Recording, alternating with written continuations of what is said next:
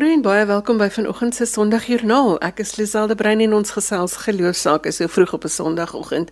Ons gaste vanoggend is Dr Anton Knutse, kommissaris van die CRL kommissie oor die kerksake wat hierdie week en die vorige weke in die nuus was. En die antropoloog Dr Ilana van Wyk kom vertel vir ons van haar studie van die Universal Church of the Kingdom of God. Bettina Weingart is 'n prokureur wat deeltyds vir die Anglikaanse kerk werk en ons hoor hoe haar geloofspad lyk en ook sommer so 'n bietjie oor haar werk vir die kerk. En laastens gesels ons ook met Vivian Kleinhans oor haar geloofspad. Sondagjoernaal is as 'n potgooi beskikbaar. Jy gaan soek op RSG se webwerf by rsg.co.za. Jy kry daar die potgooi opsie of jy kan gaan kyk by op die lig gehoor en as jy Sondagjoernaal daar intik met vandag se datum, sal die program daar wees net na afloop van ons uitsending vanoggend.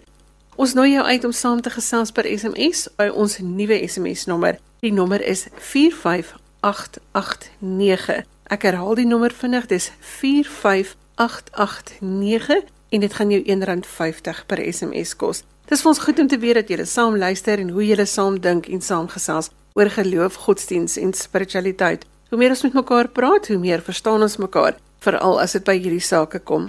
Jy kan ook saamgesels op Facebook. Ons sit elke week die program se inligting op ons Facebook bladsy, maar ook op RSG se webblad wat die hoofbron van inligting is. So as jy daar gaan kyk op 'n donderdag, dan sal jy alles kry van wat hierdie week in ons program uitgaan.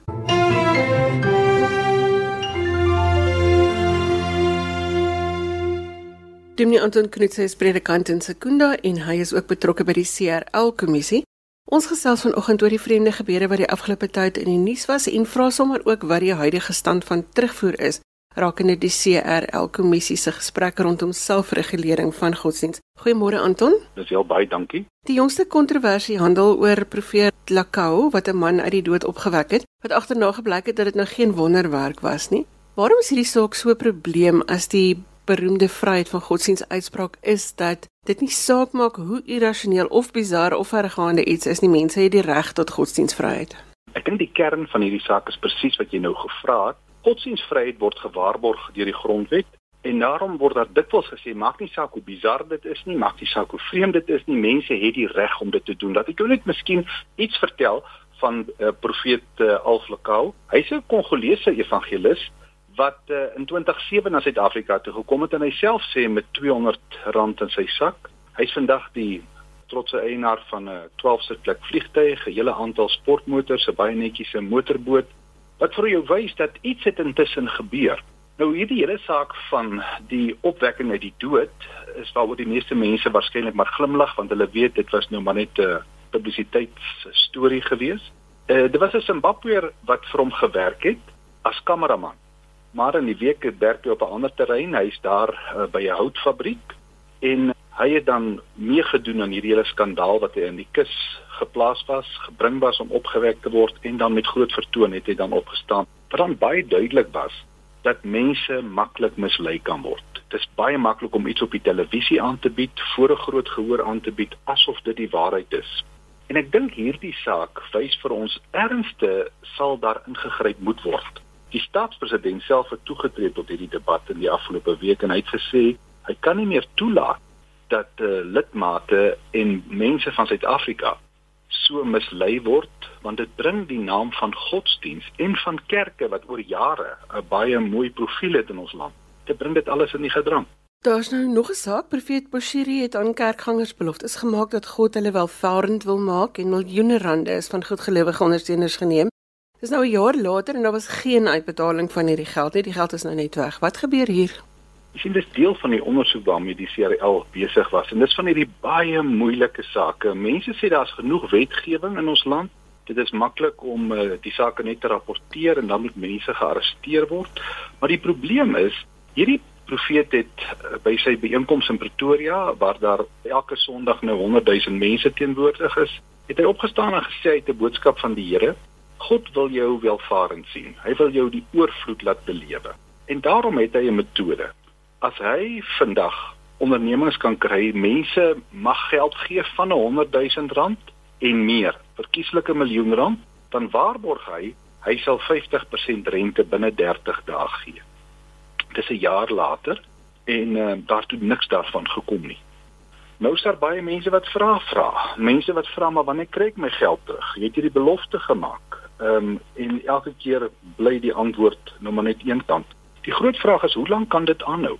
Ek dink self dis die kern van die hele ondersoek waarmee CRL besig was. Die gedagte was nooit om by godsdienstvryheid betrokke te raak nie. Die gedagte was eerder om die stelsel wat in erkende kerke werk, probeer daardie stelsel deurtrek na alleenstaande mense toe. Baie keer sê mense maar as daar wetgewing hieroor is, is dit die staat wat 'n ingrype probeer maak. Ek dink die waarheid is hierdie praktyke gaan die staat forceer om in te gryp. Die staat sal op 'n manier die veiligheid van sy burgers moet eers stel.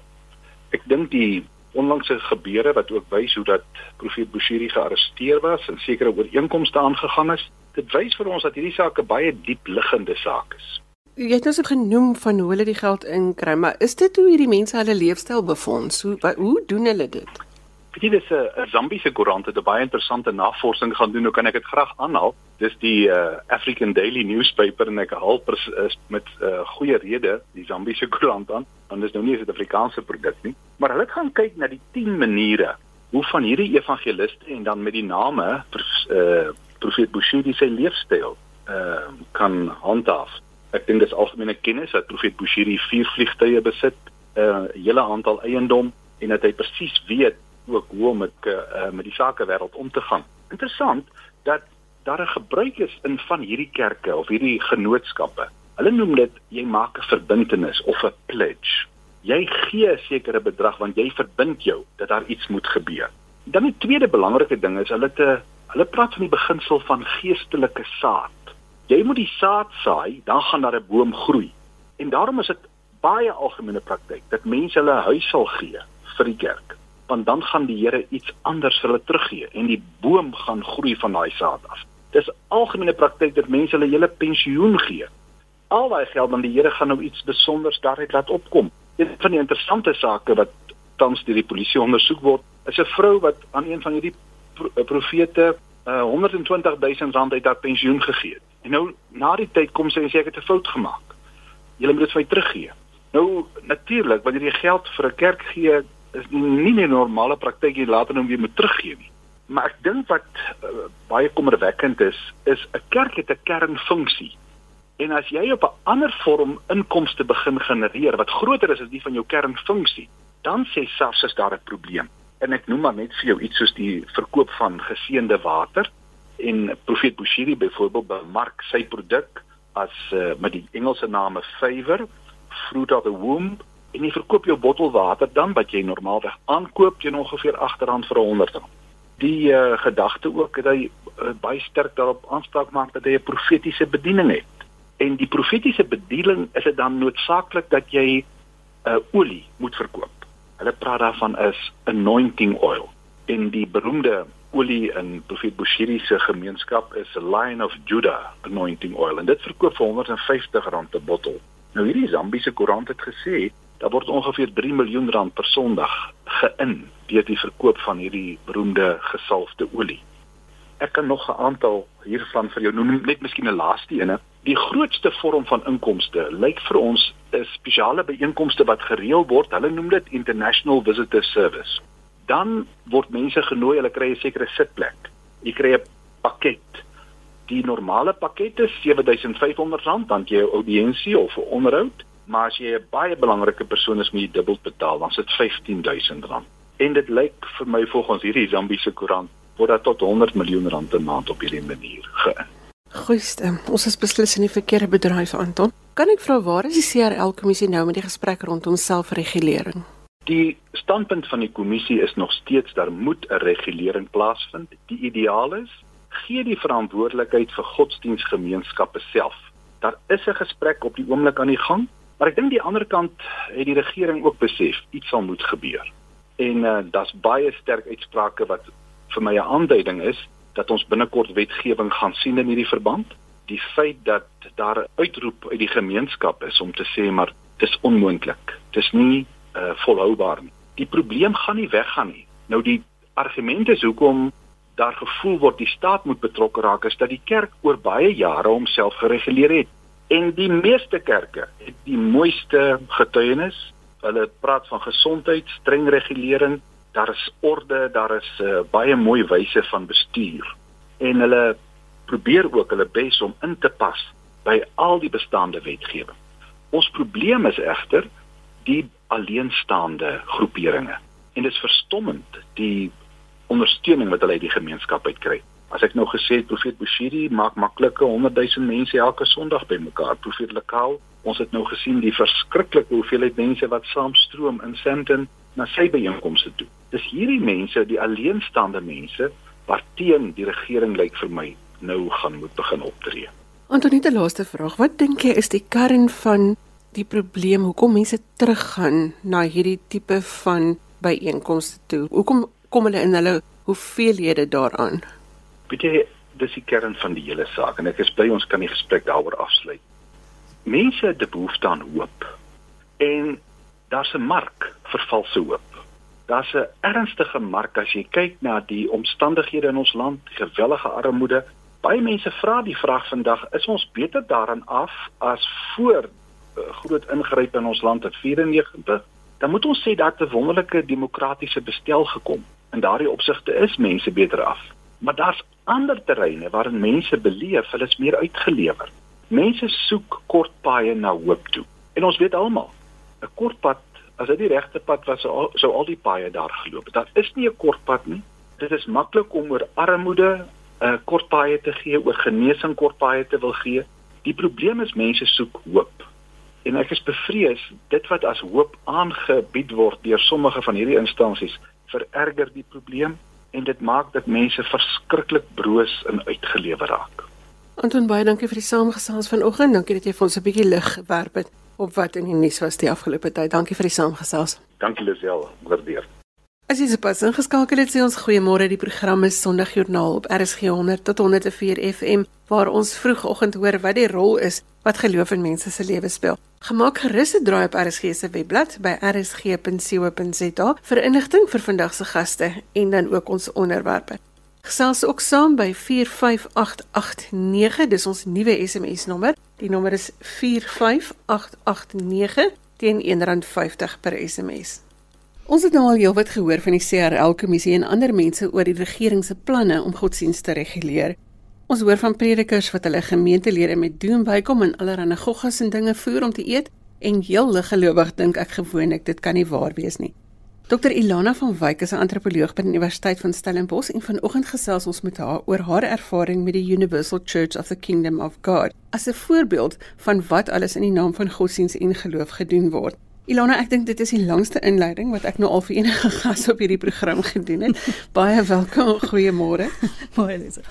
Jy het dit Jesus gedoen, so jy kan met gesag hier oor hierdie onderwerp gesels. Die Universal Church of the Kingdom of God is 'n kerk wat in uh, Brasilië ontstaan het. Dis 'n welvaartsteologie kerk. En die kerk het in Suid-Afrika toe gekom net voor ons demokrasie gestig is. Hulle het begin in klein areas, hulle stig gewoonlik hulle kerke by treinstasies, by busstasies en so aan, wat natuurlik die grootste mensevloei verby hulle het. Die kerk is ongelooflik groot in Suid-Afrika op die oomblik. Hulle het oor 150 kerke in slegs in stede in plekke soos Kaapstad byvoorbeeld, hulle oor die 20 kerke en hulle het ongelooflike groot getalle mense wat na hulle toe uh, kom. Uh, maar is redelik onsigbaar. Baie min Christene weet van die kerk. Ek wil nou juist vir jou vra, dit is glad nie 'n kerk wat op my radar is as ek nou moet kyk na gelowe in Suid-Afrika of of kerke in Suid-Afrika kerkgeloofsgroepe nie. Hoekom is dit so?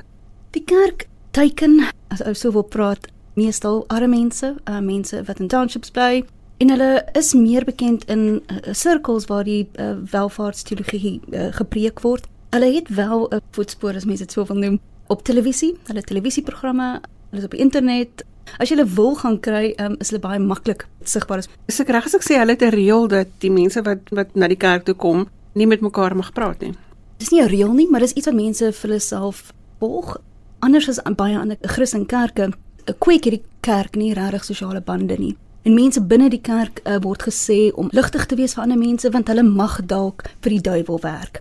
So jy moet jou jou afstand behou van hierdie mense want hoe nader jy aan die duiwel en sy spanne kom, hoe uh, gevaarliker is dit vir jou as 'n Christen in die wêreld. So mense het hierdie ehm um, idee geïnternaliseer En as gevolg daarvan praat hulle baie selde met ander mense in die kerk. Hulle skep nie vriendskappe nie, al daai klas van dinge is. Jy was week vir week in hierdie kerk gewees. Hoekom sal ons sê dat hierdie kerk 'n gevaar is?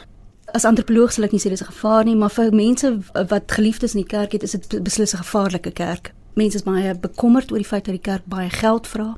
Jy moet in die kerk moet jy jou jou tiendes betaal en dit is nou voor belasting en voor aftrekkings. Hulle maak dit baie duidelik. Hulle het 'n hele boekie wat vir jou vertel hoe om dit uit te werk. En jy moet ook deelneem aan wat hulle noem campaigns. Nou hierdie campaigns of veldtogte vra baie geld. Hulle het gewoonlik 'n minimum getal wat jy moet bydra, as jy weet 'n paar duisend rand. En omdat die meeste mense wat dit bywoon baie arm is, beteken dit ongelooflike ekonomiese skade vir 'n huishouding. So so gelowige al hulle geld vir die kerk gee, hopend dat God uh, gaan intree en vir hulle werk gee of gesond maak of karre of so aan gaan bewerk. So hoe meer geld jy vir die kerk gee, hoe beter gaan dit met jou gaan. Mense verstaan dit nie as as wat hulle dat hulle dit vir die kerk gee nie, maar hulle dit direk vir God gee. En hulle verstaan hierdie offerandes as uh, wat hulle gee vir die kerk as 'n manier om God te skok, om in hulle lewens in te tree. So hoe harder, hoe swaarder jy trek na so opoffering, hoe harder gaan jy vir God skok en hoe hoe groter is jou kans dat hy gaan intree in jou lewe en dit verander. Wat word van die geld wat vir die kerk gegee word? In die Universal Church word die meeste van die geld bestee aan uitbreiding. So die kerk spandeer ongelooflik baie geld aan nuwe geboue. Hulle koop baie duur grond in in meeste van die stede in Suid-Afrika en hulle bou baie groot katedrale wat hulle katedrale noem. En uh, ook 'n uh, hengse klomp geld word gespandeer aan die media. So uh, jy weet hulle televisieprogramme, radioprogramme, hulle koerant, maar dit ook 'n koerant wat hulle uitbrei. So ja, so Wat maak hulle geloof anders dan as die gewone NG Kerk of die gewone Christen gelowige se siening van geloof en hoe hulle God ervaar. Absoluut. In die eerste plek ondersteun hulle wat hulle noem 'n welvaartsteologie, wat hulle glo dat God omdat hy alles geskaap het in die wêreld vir hulle al hierdie goed kan gee. Maar in dieselfde tyd glo hulle ook dat die mens in die wêreld is op so 'n manier dat hy konstant aangeval word en getuister word deur Satan en sy demone. En dis hierdie demone en Satan wat dit onmoontlik maak vir baie arme mense en siek mense om gesond te word en ryk te word en wat 'n ou dan moet doen in hierdie kerk en wat is om ontslae te raak van hierdie demone om hierdie vloei van God se seënings in hulle lewe te bewerkstellig. So dis redelik anders as meeste NG Kerk gelowiges. En wat sentraal staan tot die verskil is die rol wat geld speel. So in die, in die meeste uh, wat ons noem mainline kerke is mense baie ligtig vir geld. Geld is gewoonlik iets wat jou aflei van 'n spirituele pad af. Geld is gewoonlik die ding wat spirituele bande vernou en so aan en so voort. Maar in hierdie kerk is geld presies die ding waardeur God werk en waardeur jy hom nader, wat baie anders is as wat ons aangewoond is. As 'n antropoloog, nie noodwendige gelowige nie, hoekom is jy bekommerd oor dit wat by die kerk gebeur? Ja. ek is bekommerd meestal oor wat dit doen aan gesinsbande, wat dit doen aan die individu wat deelneem en wat konstant homself of haarself in 'n verhouding tot God stel waar hulle hulle self opstel om teleurgestel te word. En ek het oor en oor mense gesien wat hulle self heeltemal bankrot maak in die kerk en dan weer terugkom. Dis die een kant. Dan is daar ook in die kerk eh, die geloof in ongelooflike eh, veranderings wat moontlik is in jou lewe. Wat beteken dit baie mense byvoorbeeld ophou om hulle HIV medikasie te neem? om hulle kankermedikasie te neem. Uh, dit is baie logies dat jy nie kan ophou om jou medisyne te gebruik nie. My vraag is, as hulle nou jou medikasie wegvat nie word nie gesond van HIV nie. Wat sê hulle is die rede hoekom jy nie gesond word nie? Daar's baie mense wat natuurlik nie gesond word uh, in die kerk nie. Uh, en wat hulle altyd sê of wat die predikers altyd vir die mense sê is dat hulle deur 'n uh, demoon uh, ingeval is en dat hierdie demoon uh, hulle gesondheid blok en dat dat hulle slegs in die kerk van hierdie demoon kan ontslaa raak. So in die kerk het hulle dan allerlei uitwerpsels van van demone in die kerk. Maar die probleem is elke keer en dis wat die kerk ook vir jou sê, elke keer wat jy ontslaa raak van 'n demoon, word 'n plek in jou liggaam geskep vir sewe ander demone om in te kom. So hoe meer jy jouself blootstel aan 'n uitwerking van 'n demoon, hoe meer gevaar is jy aan blootgestel in die wêreld. So elke keer wat jy ontslaa raak van 'n demoon wat jou siek maak of wat jou arm maak, is jy meer vulnerable. So as jy by die kerk se deur uitstap, dan kan daar 'n nuwe demoon kom en dan moet jy weer geld betaal om van hom ontslae te raak. Ja, jy betaal nie in die kerk uh, vir uh, uitwerpels nie, maar jy jy betaal wel vir wat gebeur na die uitwerpsel. So na die uitwerpsel moet jy dan wat hulle noem 'n kontrak met God aans, aansluit. En hierdie kontrak word altyd met geld geseël. En dit sê dan dat God moet inklim en dan die vloei van goedere in jou lewe moet herstel. Ilona het nou genoem dat die mense die geld gebruik om groter katedrale te bou en grond te koop. Is dit alwaarvoor die geld gebruik word? Nee, 'n klomp van die geld word gebruik om die kerk se boodskap te versprei in in die res van Afrika. So as Suid-Afrikaanse geld het byvoorbeeld betaal vir katedrale in Mosambiek en Zimbabwe en die hele wêreld uh, noord van ons, maar ook 'n groot gedeelte van die geld gaan terug Brasilië toe waar dit dan in die kerkkoffers ingaan en grootliks betaal vir die man wat die kerk begin het se flamboyante lewenswyse. Sou ek korrek wees om te sê dat dit 'n uitbuiting is van arme mense wat hoop op iets van 'n beter toekoms? Dis net as jy glo dat die pastore sinies is en dat hulle nie self die goed glo nie. En wat ek agtergekom het is baie van die mans en wel, dis meestal mans wat betrokke is in hierdie kerke wat predikante is en so aan, baie moeilike lewens het. Baie min van hulle is soos die man wat die kerk begin het, eh, ryk en jy weet eh, reis al oor as oor die wêreld. Die meeste van hulle het baie moeilike lewens. Hulle lewe agter in 'n kerk. Hulle moet konstant eh, van een kerk na 'n ander een trek. Hulle het vrouens en kinders wat nie goed betaal word nie. So vir baie van hierdie mense glo hulle net soos hulle volgelinge in die moontlikheid dat God wonderwerke in die wêreld vir hulle kan uh, besig, ja. Is die pastore almal van Brasilië? Nee. 'n uh, Groot gedeelte van die pastore wat uh, aan bewind staan van die kerk is Brasiliaans, maar 'n baie groter gedeelte van hulle is Suid-Afrikaans. Soos mense wat die kerk bygewoon het en toe besluit het om hulle lewens aan die kerk se taak te gewy. Ilona baie dankie dat jy vanoggend al hierdie inligting met ons kom deel het. Dankie.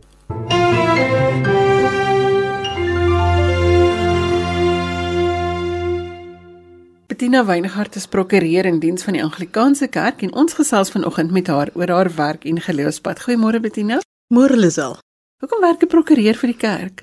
Weet jy mense is verbaas om te weet dat die kerk het ook 'n regstelsel. Die Anglikaanse Kerk spesifiek waar ek betrokke is, het hulle eie interne regstelsel heeltemal apart van die land se regstelsel.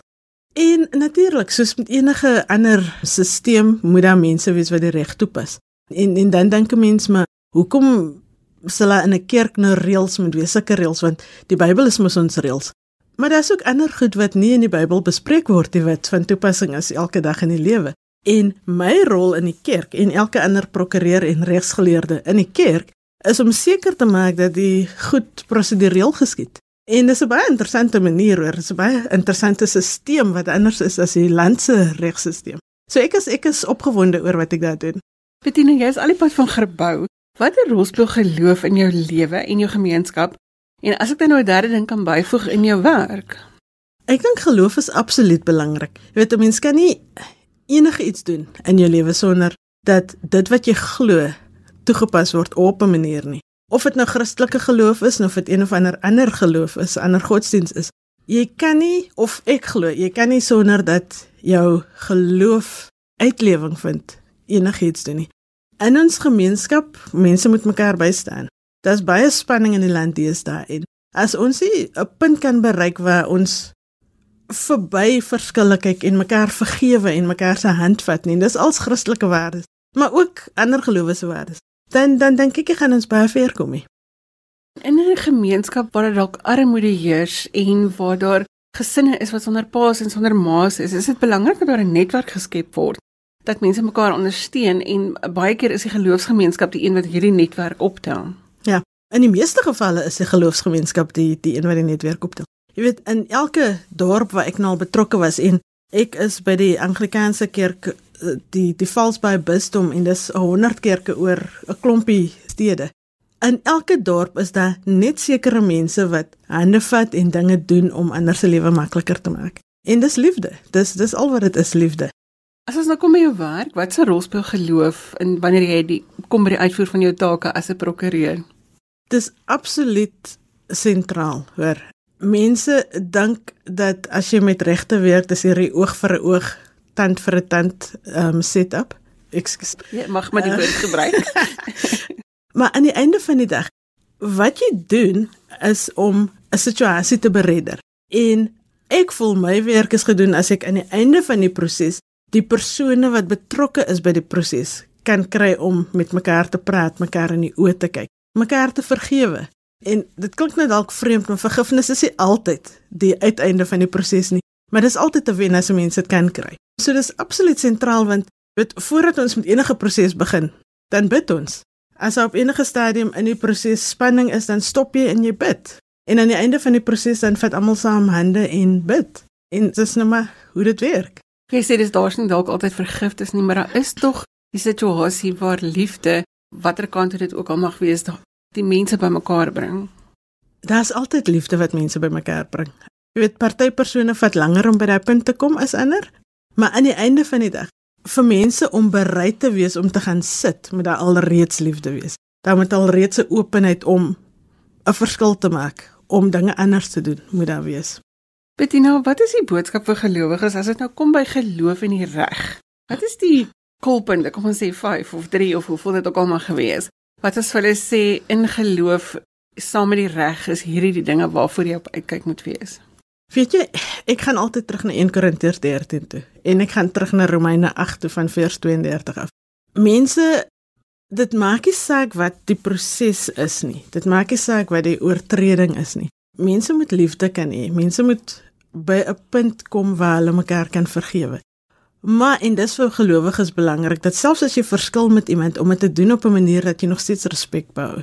En baie keer mense wat, wat ons vind is dat mense is so kwaad en hulle voel so seer gemaak en verontreg dat hulle vergeet maar aan die oorkant van my sit 'n kind van God geskape in die beeld van God, net soos wat ek geskape is in die beeld van God.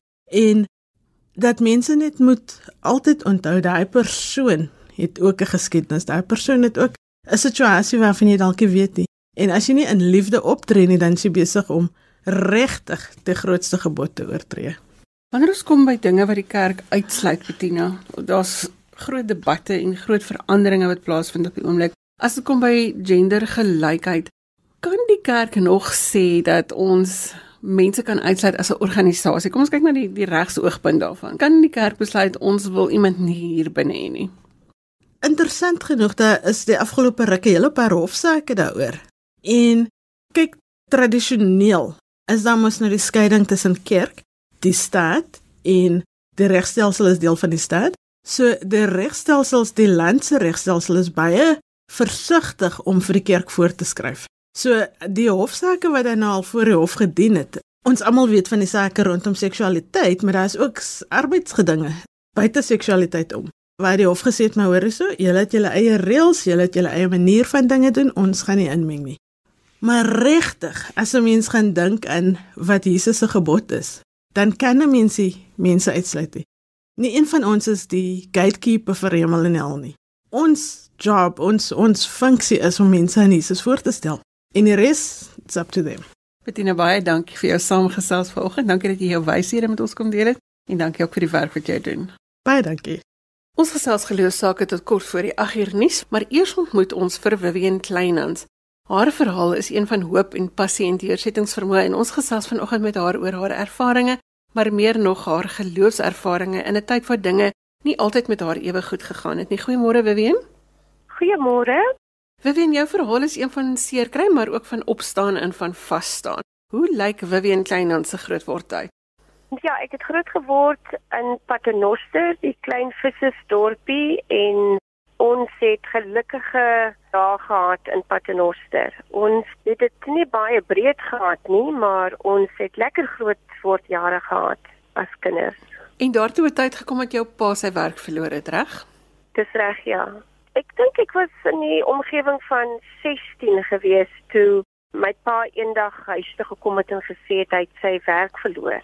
Ek is die middelkind en jy weet daardie dae het ons mos nie nie regtig gesprekke met ons ouers gehad nie. So ons het nie baie met ons ouers gepraat nie want hulle het altyd ons gesê die kinders moenie in die selskap wees nie en tande tel nie. So ek kan nie verstaan hoe ek vir my pa kon vra om te gaan om verskoning vra nie want ek weet nie wat gebeur het nie maar ons gaan nêrens na toe trek nie want waar gaan ons woon en hy het toe gesê goed hy het toe teruggegaan na sy fabriekbaas toe toe kom hy eis toe te sê nee wat hulle wil nie sy verskoning aanvaar nie en ons moet nou maar pak en ja toe het hy vir my gevra om om 'n trok te gaan kry. Op daai daai tyd was dit ouers visse se skaaptrok of beestrok en toe het hy opgekom en ons het toe gepak.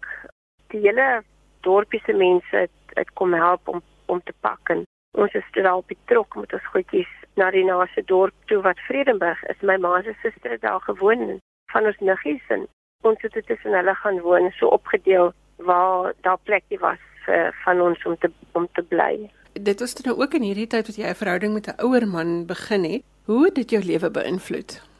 Ek sê altyd die tyd toe dit gebeur het waar ons toe nou uit ons dorpie is, het baie van ons lewens daadwerklik verander want ons het verkeerde besluite geneem dink ek. En jy was amper in 'n in 'n situasie waar ja jy het nie geweet is dit nou reg? Moet jy dit doen of kan jy dit doen? Want alles was so rondom taal en onderste bo gewees. En ek het hierdie ouer man het ja aangebied om ons te help en en so het hy hom my, myself nou vir hom opgeëis en soos ek weg van my familie af. Ek het nie juis in Vredenburg gewoon nie. Daar's ook twee kinders daar uit ons verhouding gebore. Ons is toe getroud en maar die lewe was maar altyd stormagtig geweest met hom en ek moes toe weer 'n manier vind om uit die verhouding te kom want ek het geweet ek wil nie ek kan nie in so 'n verhouding bly nie. So op 'n stadium moes ek myself verwyder van van die ouer man en ek het gevoel ja baie van my jong mens daar of my jong meisie daar was toe daarmee heen gewees maar ja dit het my nie ondergekry nie ek ek het net altyd geweet ek moet iets beter met my lewe doen hy het jou effens van jou gesin en jou familie geïsoleer is ek reg Ja, in 'n mate het ek selfsugtige houding gehad. Hy was baie 'n loose mens gewees, wou net vir, vir my vir homself gehad het.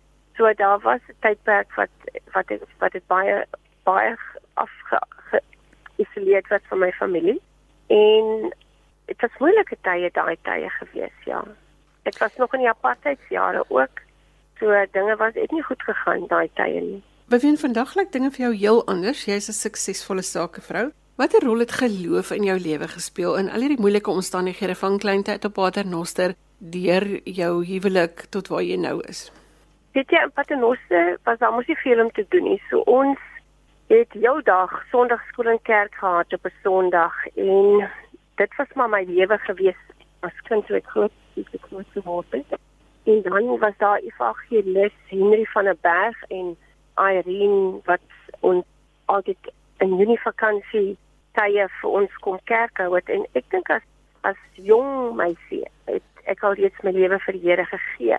En dan raak jy mos verdwaald en jy word groot en jy gaan aan en dan raak jy bietjie afgestomp in jou geloof, maar kerk gaan was nog altyd in my lewe gewees weer my hele lewe. Maar ek het nooit 'n verhouding met Jesus gehad nie want ek het nie ek het nie geweet daarvan nie. En toe daar kom maar op 'n stadium 'n baie moeilike tyd in my lewe en ek het letterlik uitgeroep na die Here toe. Ek het ek onthou uh, uh, my vriendin het gesê jou lewe lyk soos 'n ongeluk wat wag om te gebeur. En daardie dag het ek na parkeerterrein toe gegaan en ek het geskree, ek letterlik geskree, Here, waar is jy? En van daar af het ek my toegespits om my lewe te verander en op om op God te vertrou vir alles wat ek wil doen of moet doen. En so het ek 'n hegte verhouding met die Here opgebou en dit is nog steeds, daar was nog steeds baie moeilike tye en ek meen ons gaan deur moeilike tye soos wat ons ouer word. Daar sal altyd goeie en goeie tye en moeilike tye wees, maar nou weet ek waarna toe om terug te keer of vir wie om aan te roep wanneer die moeilike tye kom, want die Here sê sy woord sê dat ons sal altyd trials and tribulations hê, maar hy het alreeds die wêreld oorkom en en dit is waarna toe ek maar elke elke keer terugkeer want dis al manier. Jy kan nie jy kan nie in hierdie wêreld leef sonder die Here in jou lewe nie. Dit is te moeilik om alleen net aan te gaan. Dit is baie moeilik by dit in in die wêreld.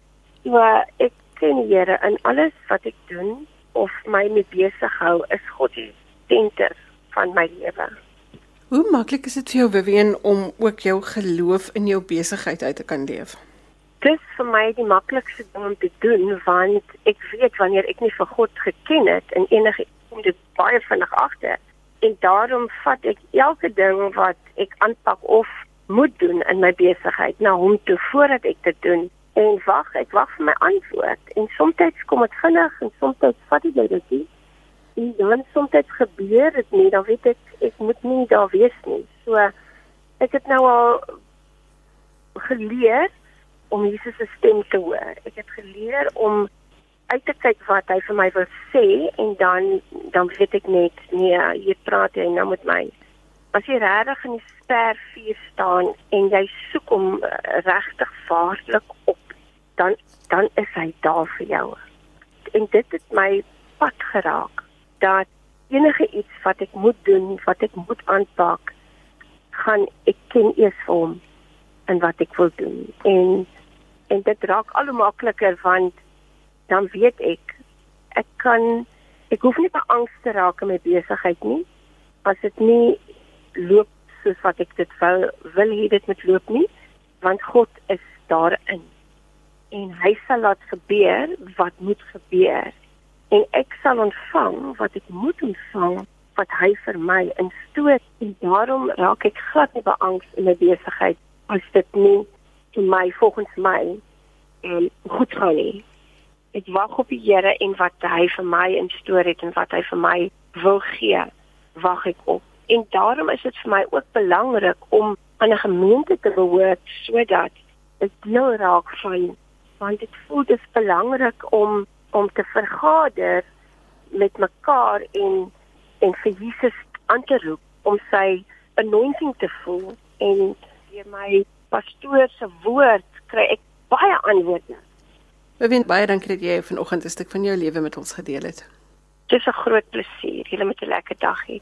En daarmee het dan tyd geword vir ons om te groet. Jy kan vir my e-pos met kommentaar of as jy 'n geloostorie met ons wil deel. My e-posadres is lizel@wwmedia.co.za. Ek spel dit vinnig, dis L I Z E L L E by wwmedia en let tog daarop dat daar net twee W's is. wwmedia.co.za. Almal vra waar verstaan die ww? Dis vir Wordwise Media. Tot volgende week groet ek met die hoop dat jy 'n verskil gaan maak in iemand se lewe dat jy in liefde sal uitreik en dat jy iemand se dag sal makliker maak. Tot volgende week. Totsiens.